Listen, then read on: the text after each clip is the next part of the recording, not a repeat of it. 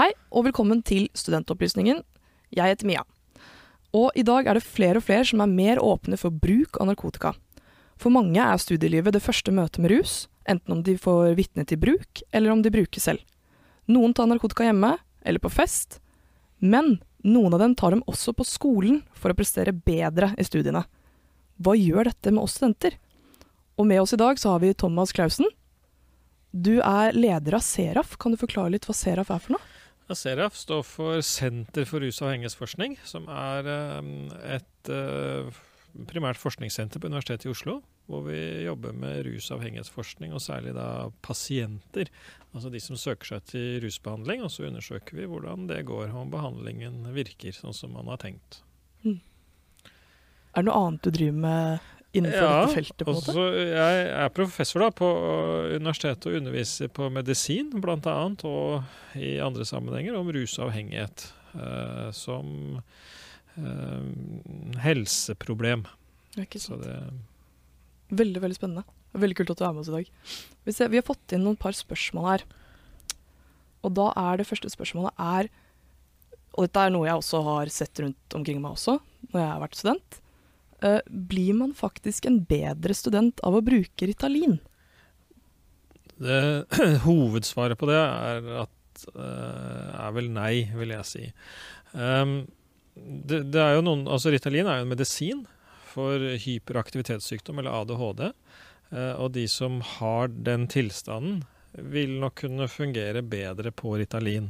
Mens de som er, ikke har det, og som ellers er friske, de vil i liten grad bli bedre på Ritalin. Ikke sant? Um, og det er også sånn at blant uh, den målgruppen, altså de med ADHD, så har man nok sett at eh, produksjonen, på en måte, altså i den grad man, altså arbeidsevnen, det å evne til å konsentrere seg, blir litt bedre, men eh, man blir ikke noe særlig mer nøyaktig Nei. når man bruker ADHD-medisin, selv ikke de som trenger å ha nytte av det. Så det kan godt hende at man ved å bruke det kortvarig i noen sånn type eksamensforberedelser, da, som kanskje er det mest aktuelle for studenter, eh, at man kan føle og oppleve at nå Um, klarer jeg å holde meg lenger våken, f.eks., Mm. eller sånne ting, men at man faktisk presterer bedre på eksamen, det er det lite som uh, tyder på. Ja, det virker veldig sånn utenfra også. For det er, jeg lurer på litt sånn, det er også en myte som går rundt med Ritalin, om at hvis du tar det og får en medisinell, altså den fungerende effekten, er det da gitt at du har den diagnosen, på en måte? Det er det heller ikke. Det er ikke sånn man setter den diagnosen. Nei. Det er jo eksperter som, eh, og, de som eh, kan den utredningen som vi gjør nå, det er gjennom intervjuer og samtaler og, og kanskje sånne kognitive tester osv.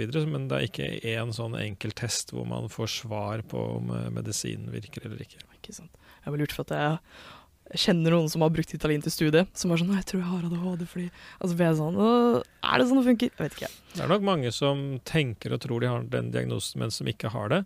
Mm. Eh, sånn at det der er, som du startet med, antagelig en myte, ja. Og så for dette her med at jeg, jeg opplever det veldig slik at flere og flere studenter ruser seg nå for å komme seg gjennom studiet. Er det på en måte en, et sånn Er det riktig det jeg opplever, eller er det Dine opplevelser må være Ja, det- riktig for deg. det, er vet ikke jeg. Men nei, altså i, Det er vel kanskje en trend i samfunnet at rusmidler ehm, brukes eh, mer.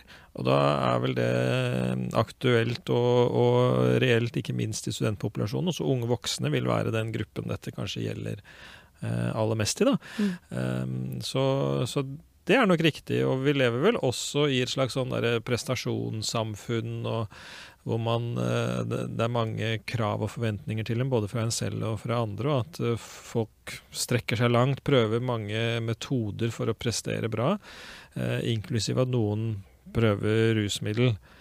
Samtidig så, så er ikke mitt inntrykk at studentmassen i Norge i stor grad bruker rusmidler for prestasjonsfremming.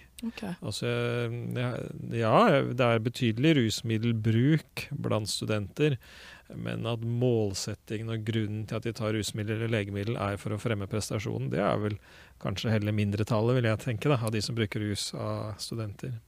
Ok, skjønner det. veldig Ja. Det er så Ja, veldig overalt, føler jeg. Um, og med det så er det også spørsmålet hvilket narkotika tar de fleste studenter? Ja, altså hvis vi snakker om narkotika, da, eller Ja. det som eh, typisk er liksom de illegale rusmidlene, um, og, og, det som de fleste forstår med narkotika, er jo det. det er, um, da er det cannabis som er det vanligste, og nok også blant studenter. Uh, der er det også noen nokså nye sånne studentundersøkelser, store, uh, nasjonale, og hvor det også er det som kommer frem at av, av de narkotiske, narkotiske stoffene, så er det cannabis som er det mest brukte og vanligste. Og det som også, for at Veldig mange får jo sitt første møte med rus når de begynner å studere. Det er større gjenger, det er alt mulig sånt. Men det, det er jo veldig mange da som velger å eksperimentere litt. Og da var det spørsmålet her som var Kan det at du prøver et rusmiddel én til tre ganger ha en permanent effekt på livet ditt senere, på en måte?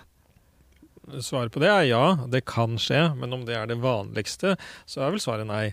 Eh, Men, men det er klart at etter ethvert rusmiddeltak, rusmiddelinntak, enten det er alkohol eller illegale rusmidler, så kan de få eh, negative og alvorlige konsekvenser for det som er varig. Altså i, i rus, i rusmiddelpåvirkning, så er vi utsatt for skade.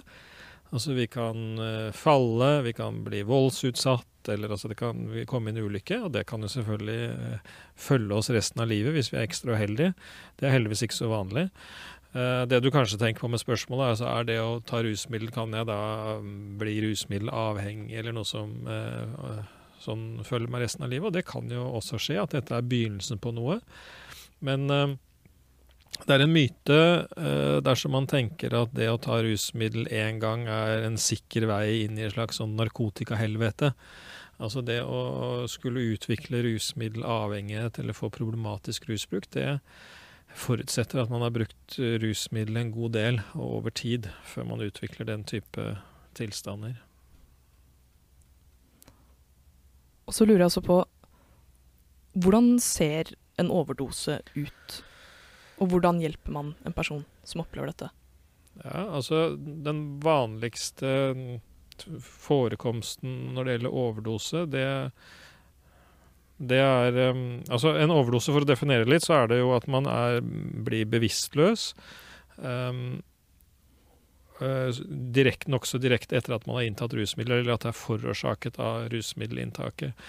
Um, og vi har dødelige og ikke-dødelige overdoser, så det kan liksom gå helt galt. eh, Eller man Det er jo vanligere at man ikke dør, at eh, noen finner deg, at ambulansen kommer, og at du overlever. Så man har liksom to eh, typer utfall av en overdose. Men eh, vi forstår det vel typisk med et, eh, at man er bevisstløs eh, som følge av rusmiddelinntak.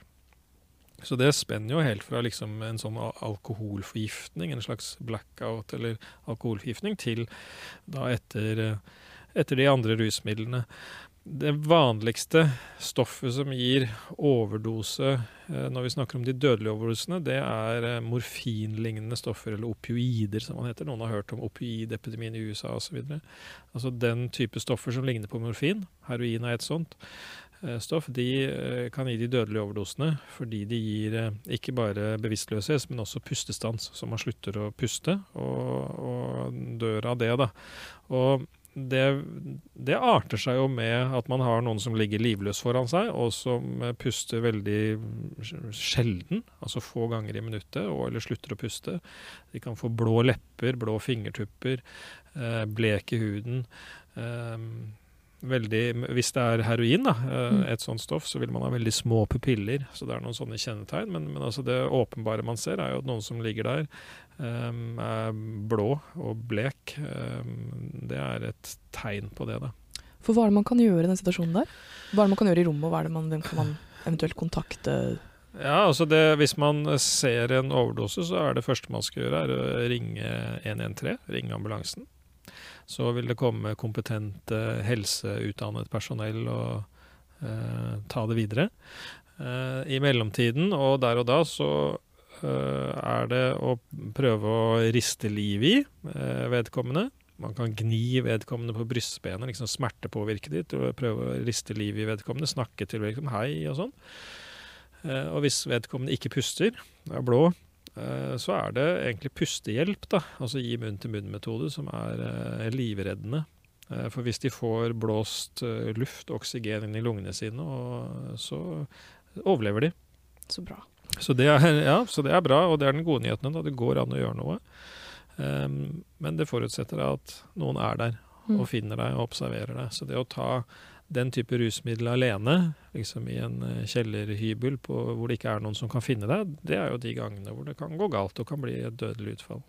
Og så lurer jeg også på, med det så kan jeg se for meg at mange kan være redd for å ta kontakt med NN3 eller andre sånn at de, de er redde for eventuelt straff og slikt, men hvis du tar kontakt i en situasjon, vil du du vil ikke bli straffet da, på en måte, eller vil du Nei, hovedregelen er det, og det skal man egentlig ikke. Og, og min forståelse av hvordan politiet arbeider nå, det er at de ikke vil bruke en sånn situasjon hvis eh, de kommer til å liksom ta noen for det. De kommer jo da i en øyeblikkelig hjelpsituasjon og for å hjelpe. For det er nok sånn at når du ringer et av nødnumrene, eh, også 113 som jo egentlig er direkte til ambulansen, så kan politiet også bli varslet. Og vice versa. Hvis du ringer en eller annen nødetat, så kan ambulansen bli varslet. Så de har kommunikasjon med hverandre.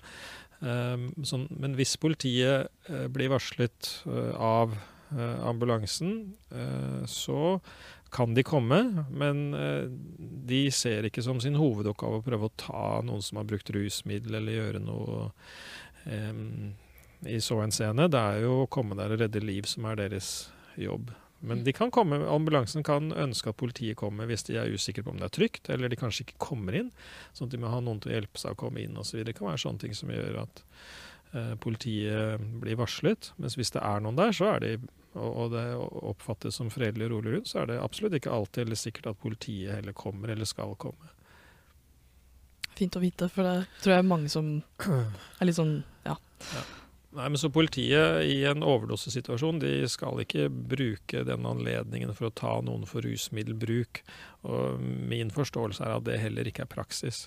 Og så er det sånn at det helt sikkert har skjedd sånne situasjoner og historier, og at igjen at det finnes både vandrehistorier og i og for seg sikkert sanne enkelthistorier, men det er ikke det som er hovedregelen eller måten dette skal håndteres på.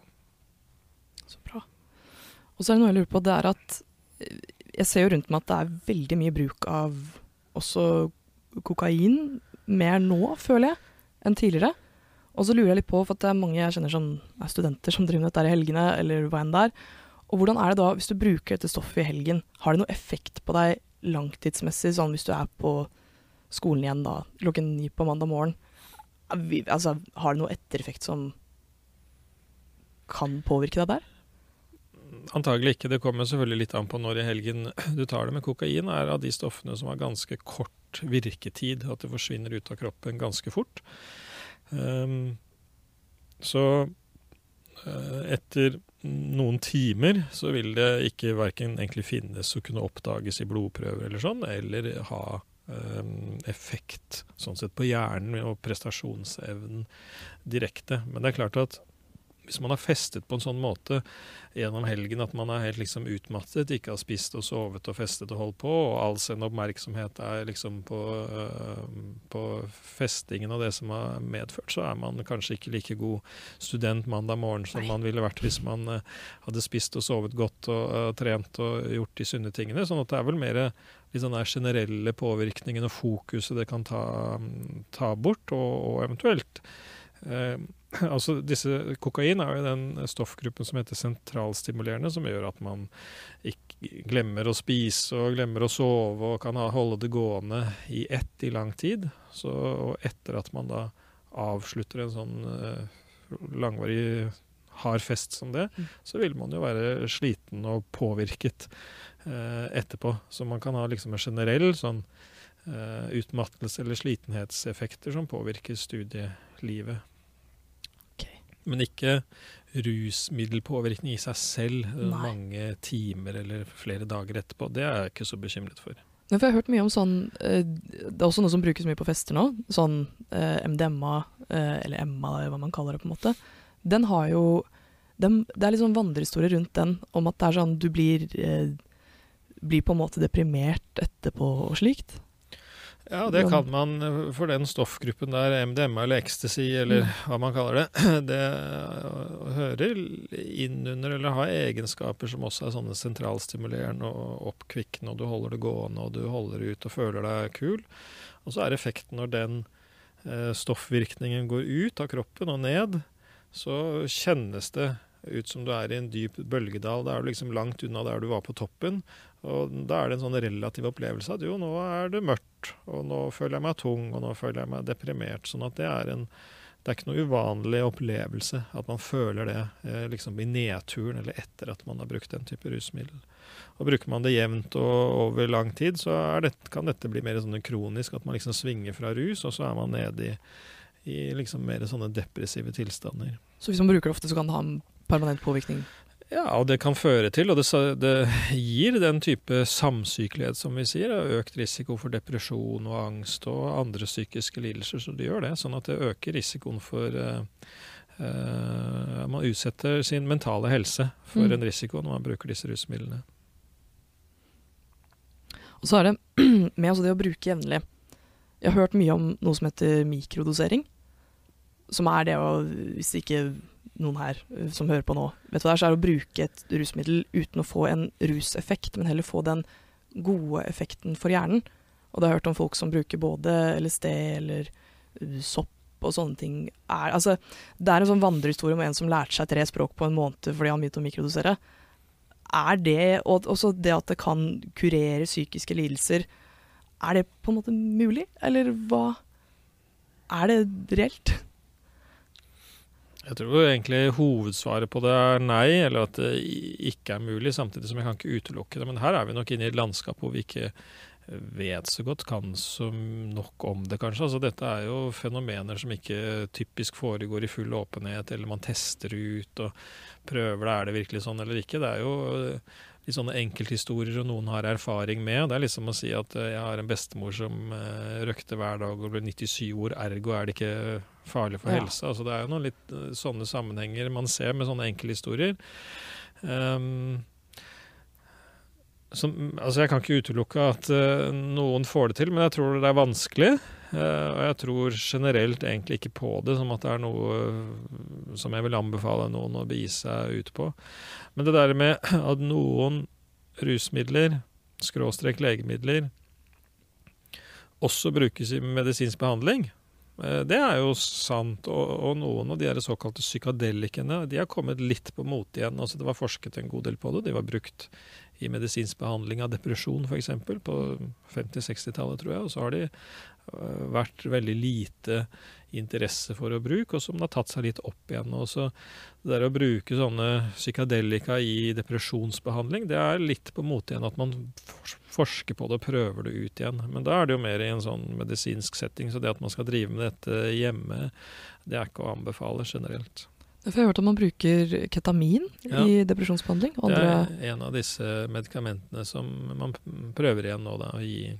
Eh, som egentlig ganske sånne korte korte, uh, til og med kanskje engangsdosering eller behandlinger, som skal gi et slags sånn derre turning point, eller ja, endre, endre, en vond sirkel, er vel ideen bak det. Mm. Men at studenter skal uh, At det er sannsynlig at det er mange studenter som får dette til på egen hånd, eller har suksess med det, det tror jeg vel egentlig ikke noe på. Ok. Veldig bra svar. jo, og så er det dette med når bør man være bekymret for en venn? For hvis å, at man begynner å røyke hasj sånn i ny og ne, og så begynner det å bli ganske mye plutselig, og det begynner å endre seg, eller hva enn det er for noe. Hvordan Når bør man være bekymret for at dette er en ordentlig avhengighet? Ja, altså hvis spørsmålet er uh, hva kjennetegner på en måte avhengighet, uh, så er det som jeg var inne på i sted, det, det forutsetter eh, en langtids jevnlig bruk. Altså man har brukt en god del rusmiddel over tid, og uker og måneder kanskje. Mer enn noen ganger er det vanlig for de fleste rusmiddel. Og så er kjennetegnet altså ved diagnosen rusmiddelavhengighet Det handler egentlig ikke om hvor mange ganger du har tatt, eller hvor store doser du har tatt, men det handler om hvordan det påvirker din funksjon. Eh, hvordan du klarer de eh, av livets oppgaver som forventes av deg. Det å være student, det å være partner og kjæreste, det å være forelder, det å møte opp og holde forpliktelser. Altså når den type ting som forventes av en, man ikke klarer det lenger fordi man prioriterer rusmiddelbruk over det, og fordi det er rusmiddel som tar alt fokuset, det er det som kjennetegner en rusmiddelavhengighet, egentlig. Og selvfølgelig, hvis man er medstudent eh, og observerer dette, at her er det noen som forandrer seg i sin litt karakter, sin måte å opptre på, sitt fokus, så er jo det grunn til bekymring. Um, sånn at det er vel det ofte vi ser da, uh, som, som, tegn, eller som kan være grunn til å bekymre seg. Vi har to ruslidelser. Vi har det som jeg nettopp snakket om, rusmiddelavhengighet. Så har vi en annen kategori som vi kaller skadelig bruk, som er på et vis litt mildere ruslidelse. Uh, det forutsetter også på samme vis at man har brukt det over tid. Og at man bruker rus på en sånn måte at man skader sin egen fysiske eller psykiske helse, sier diagnosen. Sånn det er hvis man da bruker rusmiddel på en sånn måte at man utvikler depresjon eller får psykiske helseplager f.eks., det er jo grunn til bekymring, og da et tegn på at man kanskje bør tenke seg litt om hvordan man holder på. Mm. Og Hvordan er det man kunne sagt ifra til noen? For det er vanskelig å Når man gjør sånne ting jeg selv, kan jeg se på at det er ganske vanskelig å komme og be om hjelp. på en måte. Man er litt sånn stuck in a loop. Jeg har hørt om folk som ikke tør å dra til terapi, så da velger de heller hasj, på en måte. Eh, hvordan kan en utenfra person komme inn og si sånn Hei, jeg ser at du Jeg er redd. Eh, altså, jeg ser for meg at de kan bli ganske defensive, på en måte. For det er jo veldig sårt. Spesielt hvis det er selvmedisinering det er snakk om, da. Er det noe tips eller noe triks på det, på en måte? Nei, Jeg har ikke noen ferdig løsning på det, men jeg syns det hørtes lurt ut, det du begynte med. Det å vise at man eh, ser det og bekymrer seg for det. Eh, så en sånn der eh, inngang i at jeg er bekymret for deg, jeg bryr meg om deg, type. Derfor så vil jeg gjerne si dette her. Nå syns du nå er jeg bekymret. Det virker som du, ditt fokus har glidd fra bøkene til rusmidlene. Men altså det å ta det opp og snakke om det, i en slags sånn åpning for å snakke om det, og vise at du er der, det er vel på et vis det man kan gjøre. Det skal ikke forventes som fra oss som medmennesker og medstudenter at vi skal nødvendigvis løse det, eller Um, sånn, men det å vise at vi er der, at vi ser det, påpeke det, det er eh, en start kanskje på en prosess hos den det gjelder. Og hvis man møter veldig sånn avvisning, så kan man jo si ja, nei, altså jeg hører at du ikke vil snakke om det nå, men uh, um, det er ikke sikkert jeg lar være å si noe om det fremover hvis jeg ser det igjen. Uh, og hvis du vil snakke med meg om det en annen gang, så er jeg for det, kan mm. man jo si, f.eks. Det høres veldig lurt ut. Mm. Og så er det no, For er, jeg føler som sagt at det er veldig vanlig å bruke stoffer og greier nå for tiden. Og er det, når er det å gå fra vanlig bruk til liksom overstadig Nå burde du begynne For eksempel, Jeg vet om mange venner av meg som de begynner å lure på om å, drikker jeg for mye, f.eks. Når kommer det punktet når det kommer til rusmidler, på en måte? Eller, ja. Det er ikke et sånt entydig absolutt svar på det, men det ligger litt i spørsmålet ditt. At hvis man begynner å føle på dette Oi, er det litt for mye nå? Er jeg liksom på ville veier nå? Hvis man kjenner på og lurer på det. Det er jo et tidlig tegn kanskje på at det nettopp er det. Um, men det å utvikle da et problematisk bruk, avhengighet, altså liksom komme i den gale enden av bruksskalaen um, Det er en glidende overgang, og for mange så er det gradvis. At det begynner jo, altså All rusmiddelbruk eh, begynner jo nødvendigvis med en første gang, en førstegangs eksperimentering. Og så er det noen som har, sånn som du sa i sted, noen som har én til tre eller én til fem ganger. Det er kanskje det vanligste, også med hasj. Den vanligste erfaringen unge voksne har med cannabis, det er noen få gangers bruk. Og så er det noen som fortsetter mye mer, og har liksom 50 ganger og mer, altså i sånne tallmaterialer. Så er, det er jo veldig få, men det er jo noen som fortsetter å bruke det mye. Og det er jo blant de gjerne vi ser at problemene utvikler seg. Samtidig, Det er sånn, dessverre, med cannabis og en del av de andre rusmidlene, at man kan få alvorlige konsekvenser ved førstegangsbruk.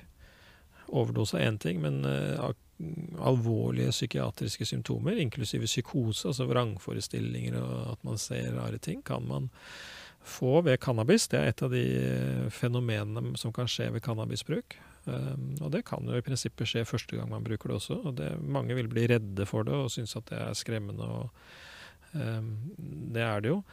Um, så det, det, de der akutte effektene i akutt rus de kan jo alle få hver gang man bruker det, men det å utvikle en avhengighet det er typisk en, en litt sånn lengre prosess hvor man har brukt rusmidler ganske mye.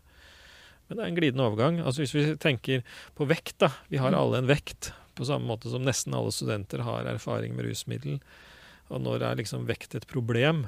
Og Det er jo litt sånn over i den ene enden av skalaen, men det er egentlig når det først går utover andre ting, går utover ditt eh, mulighet til å drive med aktiviteter, eller du skammer deg veldig over det, eller det kan være forskjellige ting, at det går utover liksom livsutfoldelsen din. Det er jo da det er et problem, og vi kan definere det som en slags sykdom. Um, og sånn er det litt med rusmiddelbruk også. Det er først når det uh, påvirker livet ditt, sånn at det får negative konsekvenser, at uh, vi tenker på det som en sykdom eller et veldig alvorlig fenomen. Mm. Og så noe til det du sa, jeg syns det er veldig spennende at noe psykadelika kan gjøre at du kan komme inn i en psykose og slikt, mens annen psykadelika, som, som ketamin, brukes i behandling i psykiatrien. Eh, v- Hvordan er det på en måte Jeg syns Ja. Det er ikke mitt sånn sentrale ekspertiseområde, men uh, du har kanskje hørt om i, i depresjon som eksempel av en psykisk lidelse. Uh, og noen alvorlige depresjoner de bruker man elektrosjokk eller sånn elektroterapi på. Det er riktignok ikke det vanligste, men det kan man gjøre. At man på en måte setter strøm gjennom eh, deler av hjernen og gir et sånt sjokk. Og vi vet jo ikke helt nøyaktig hvordan den virkningsmekanismen er. Man tenker noe sånn at det er liksom en sånn slags ond sirkel, en sånn tankespinnsirkel. Nå er alt er gærent, og ikke noe er riktig med meg, og sånn at man ikke klarer å tenke på noe annet og er deprimert. Og så kan en sånn uh, sjokkopplevelse i hjernen gi at man kommer litt ut av den onde sirkelen. Litt sånn forenklet sagt. Mm. Og, og mm, det er vel på litt samme måte man tenker om disse psykadeliske legemidlene. At de skal kunne gi en litt sånn fremmedartet, rar opplevelse, men at det skal være med å bidra til at man kan klare å skifte fokus, komme litt ut av den negative eh, fokuset man er i. Det. Så det er en sånn litt forenklet måte å forklare det på. Men sånn at du bare du rewire hjernen, på en måte? det, egentlig. Det er det man tenker, en sånn reset Ja. uh, av hjernen. Uh, sånn at da, det er ofte eh, Sånn som jeg forstår det, jeg, jeg kan ikke alle, men at det er liksom en eller to ganger man gjør dette. At dette er ikke en medisin man går på over lang tid, sånn som antidepressiva. Men at det rett og slett handler om det. det her, sånn reset button. Mm. Mm. Så viktig å nevne at elektrosjokkterapi i dag det finnes, ja, men det er ikke sånn som på film. Nei, da, Jeg ble veldig er sjokkert da jeg fikk vite at det fortsatt var en greie. ja, det gjør det. Og så er det eh, spørsmålet her. Finnes det noe narkotika som er bra for deg? For det er jo veldig mye snakk om sånn 'dette er dårlig for deg', og 'hvis du tar det, så dør du', og øh, på en måte. Men er det veldig satt på spissen? Rart spørsmål. Finnes det det som er bra for deg, på en måte? Det er ikke et rusmiddel som vi anbefaler eller som er bra. Um, men det er klart at veldig mange som bruker rus, og det vanligste i samfunnet for oss, som veldig mange av oss har erfaring med, det er å bruke alkohol. Vi, eh, mange av oss snakker ikke om det egentlig som et rusmiddel. Vi sier ja, det er nytelsesmiddel, vi skal ha det med mat, og det er kultur og mote og alt sånt. Men det er jo i bunn og grunn et rusmiddel, det òg. Og, og de aller, aller fleste av oss har gode erfaringer med det til og med kanskje liksom veldig gode opplevelser. Dette gjorde dagen bra, og det var fest og moro, og det var vin med venninnene, og alle lo og sånn. Um, og så er det noen av disse rusinntakshendelsene som ikke går bra. Men det er jo sånn at en fredag kveld her i byen med 600 000 innbyggere, det er jo veldig mange rusmiddelinntakshendelser. Og over 90% av de går jo veldig fint, sånn at de fleste sitter igjen med en erfaring at dette går bra, og dette er ikke så farlig. Så det er en vanlig erfaring med rus. Men så vet vi også at det kan utvikle seg i negativ retning. En enkelt ruspåvirkning kan gi en veldig alvorlig utfall. En voldsskadeulykke, eller, eller også disse her mer mentale. Man kan få en psykoseopplevelse eller en overdose. Så det kan også gi alvorlige hendelser. Og det vi vet, er at det er en liten andel av alle disse hendelsene som fører til de mest alvorlige situasjonene. Og Derfor så har vi en bekymring i fagmiljøet på en måte, at hvis rusbruksomfanget i samfunnet øker veldig, så forventer vi at problemomfanget også øker. Så Det er en sånn grunn til at vi liksom ønsker at det skal begrenses, at det ikke skal gå over alle støvleskaft. Men det er ikke et svar på det spørsmålet ditt. Er det et narkotika eller et rusmiddel som er sunt eller bra? Det, det er det ikke. De, alle rusmidler kommer med skadevirkning og skadepotensial, og ingen av de er helsebringende som hovedregel og brukt som rusmiddel. Eh, men samtidig så er det mange som ikke liksom vil ta det inn over seg, eller forstår det fordi de sitter med egen erfaring. At dette går jo bra, dette mestrer jeg, dette klarer vi. Så det er et litt vanskelig budskap noen ganger å formidle rundt dette. Mm. Og dette er du sa med at det ikke skal på en måte være tilgjengelig for hvem som helst. Kan du se for deg at det blir lovlig å både kjøpe og bruke stoff i Norge en gang? En ja, altså den um, Ideen har vi jo veldig mange av oss i hvert fall måtte la oss utfordre på de siste årene. Vi har jo hatt en rusreformdebatt om rusmiddelbruk og besittelse skal avkriminaliseres, og sånn sett da ikke straffeforfølges. Eh, noen andre land og noen andre steder i verden så har det jo gått enda lenger og legalisert, sånn at dette mm. er jo ikke ukjente fenomener. Eh, sånn at den tanken skal man nok telle, vet, nei, tenke, og uten at vi kanskje skal ta den debatten her nå. Men, um, men hvem vet hva som er situasjonen i Norge om fire eller åtte eller tolv år? Um, det har skjedd ganske mye de siste to årene rett og slett, i, i den holdningen og den debatten, sammenlignet med hva vi kanskje tenkte for to-tre år siden. Mm. Jeg opplever også veldig slik. Veldig forskjellige måter å snakke om dette på. Og så har vi en spalte som heter SOS, der vi får tilsendt spørsmål av studenter i nød. Første spørsmål her, fra Nora, 19 år. Hei, jeg ser mye bruk av kokain under festene på campus. Pappa fortalte meg en gang at man kunne dø av kokain da renheten kan variere. Er dette sant? Med vennlig hilsen Nora. Det er sant Eh, og riktig at man kan dø av kokainoverdose og overdose av de sentralstimulerende stoffene også. Det kan man gjøre. Det har jo vanligvis en sammenheng mellom den eh, dosen rusmiddel og den styrken rusmiddelet har. Altså det, det, som jo er det avgjørende til syvende og sist, er den eh, blodkonsentrasjonen man får da, i, i blodet av rusmiddelet. Um, jeg snakket om overdoser litt tidligere, og, og særlig dette med opioider eller morfinstoffoverdose hvor man slutter å puste. Kokainoverdoser og, og, de andre sentralstimulerende som amfetamin de har en annen eh, virkningsmekanisme som kan føre til døden.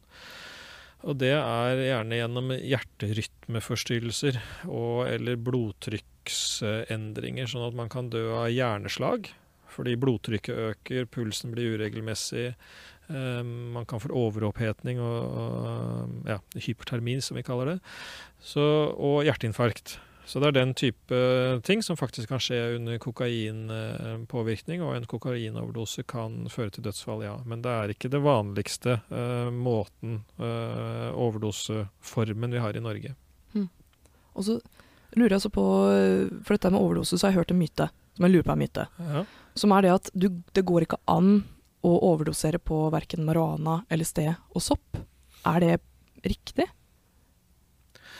Det fins eh, nok eksempler på det, men i Norge så er det nærmest bare sånn enkeltstående eksempler gjennom mange år i så fall vi har hatt. Så det er ikke vanlig å dø av overdose på cannabis som jo er det vanligste av disse.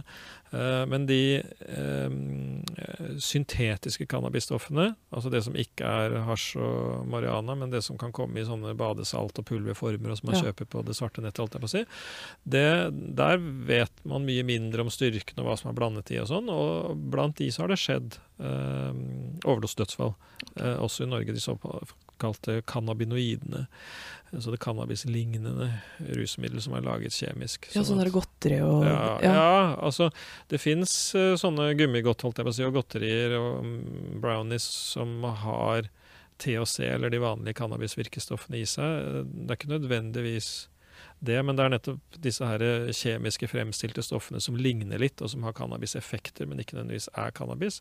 Blant, det er mye mer uforutsigbart hva det er, og det varierer litt for hvor, Hvis det er laget i sånne bakgårdslokaler og sånn, så kan det være mye rart i det, og der har det vært dødsfall. Men det er ikke vanlig å dø av overdose av cannabis, f.eks. Og LSD og annen sopp. Um, det er vel heller større risiko for at man skader seg på en måte i rus eller sånn, enn ja. uh, kanskje dør av overdose av katadi. Men igjen, altså hvis det er noe, så er det kanskje mer sånn hjerterytmeforstyrrelser og sånn man kan få. Um, ja.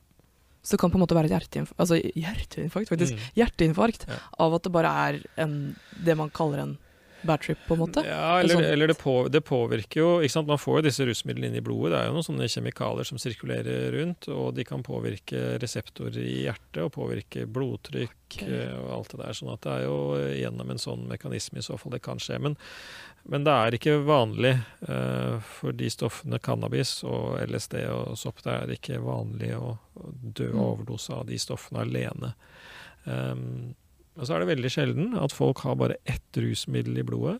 Um, I hvert fall når de dør av overdose. Altså, Det er jo blandingsrus er det vanligste når man uh, dør av overdose. Og da er ting mye mer uforutsigbart når man blander disse ulike kjemikaliene i en suppe og spiser det. Da er det vanskeligere for oss å forutse hvordan det virker. Men eksempel, eh, veldig mange røyker jo hasj på fest, og så går de inn og drikker alkohol. Er det på en måte farlig å blande Jeg har hørt masse om sånn crossfading og ting man kaller det. på en måte. Er det farlig, på en måte, eller er det Begge eh, stoffgruppene, både cannabis og alkohol, har effekter som vi kaller sentraldempende, som demper litt, legger et slags sånn lokk på eh, aktiviteten i hjernen. Eh, alkohol kan jo gi en dødelig forgiftning gjennom pustestans. Og når du legger på et annet stoff som har litt av de samme effektene, som man ofte tenker er mildere, men når de kombineres, så som jeg sa, da er det mye mer eh, uoversiktlig hva som Mm. faktisk skjer. Um, og, og det er jo dessverre, eller det er realiteten, at eh, det er ofte ikke det ene eller det andre. Eh, Hvis man først bruker cannabis, så har man også drukket litt, og kanskje tar man kokain. altså Det ene tar ofte det andre. Så det er jo gjerne sånne kombinasjonsruser, og det er uh, uforutsigbart hvordan det virker. Og så lurer jeg på, for hvis det er Selv de som ligner så mye, kan ha en negativ effekt når det blandes. Hvordan er det da når man f.eks. blander marihuana og uh, kokain, som er liksom helt forskjellig plan? Blir det noe ekstra farlig av den grunn, på en måte? Nei, men alle, alle blandinger eh, øker risikopotensialet, vil jeg si. Okay. Um, og det er vanskelig for meg å si hvordan altså en, en, eh, Et stoff som både kan være litt sentraldempende og et annet som er stimulerende, liksom gass og brems samtidig, Mm. så handler det litt om altså, hva er doseringen av de.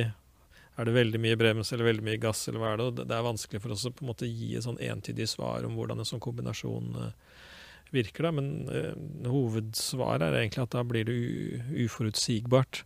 Eh, og det øker risikoen å ta flere stoffer samtidig. Litt på samme måte som faktisk det å ta flere medisiner, Ja. som veldig mange har. Besteforeldre har mange medisiner, og det øker risikoen for at man får eh, økte bivirkninger, sier vi gjerne med medisiner, men at man får eh, effekter som man ikke ønsker. Da. Sånn kan det være med rusmidler òg. ja, ikke sant, ja. ja eh, morsomt at man kan tenke på det som bivirkninger på noen steder, på en måte. Ja. Så har vi spørsmål også her fra Hans Christian, han er 21 år.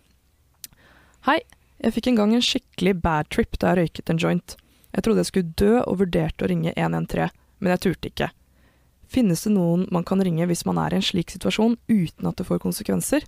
Jeg vil ikke bli tatt av politiet. Det tror jeg sikkert mange har opplevd, stakkars. Ja, nei, altså det, Man kan skjønne det, den bekymringen. Eh, Mitt råd er fortsatt, vi snakket litt om det tidligere, at man bør ringe helsevesenet, ambulanse. Um, og at det normalt da ikke skal trappe opp politi som kommer og tar deg. Nå er det sånn med cannabisrus at man kan bli litt sånn paranoid eller litt Mm. forsiktig. Så kanskje det ligger litt i dette at man er ekstra redd for uh, at noen skal komme og ta en eller forfølge en. Uh, egentlig så uh, er ikke det det vanlige, i hvert fall konsekvensen av å ringe ambulansen. Så mitt råd er å gjøre det. Mm. Ringe 113. Og så har jeg også hørt om en som opplevde dette her, som eh, Han tok og ringte, og så var det ikke sånn de, de kom ikke ned til han. Det var bare en veldig hyggelig dame på telefonen som satt og snakka med han og liksom Ja, Ja. hjalp han ut av det som man kan si ligner et panikkanfall. da. Det Ja. man kaller en Mm.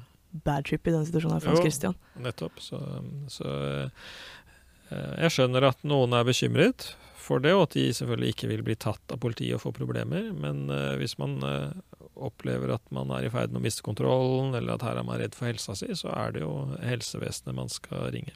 Mm. Så har vi et siste spørsmål her, fra Erik, 24 år.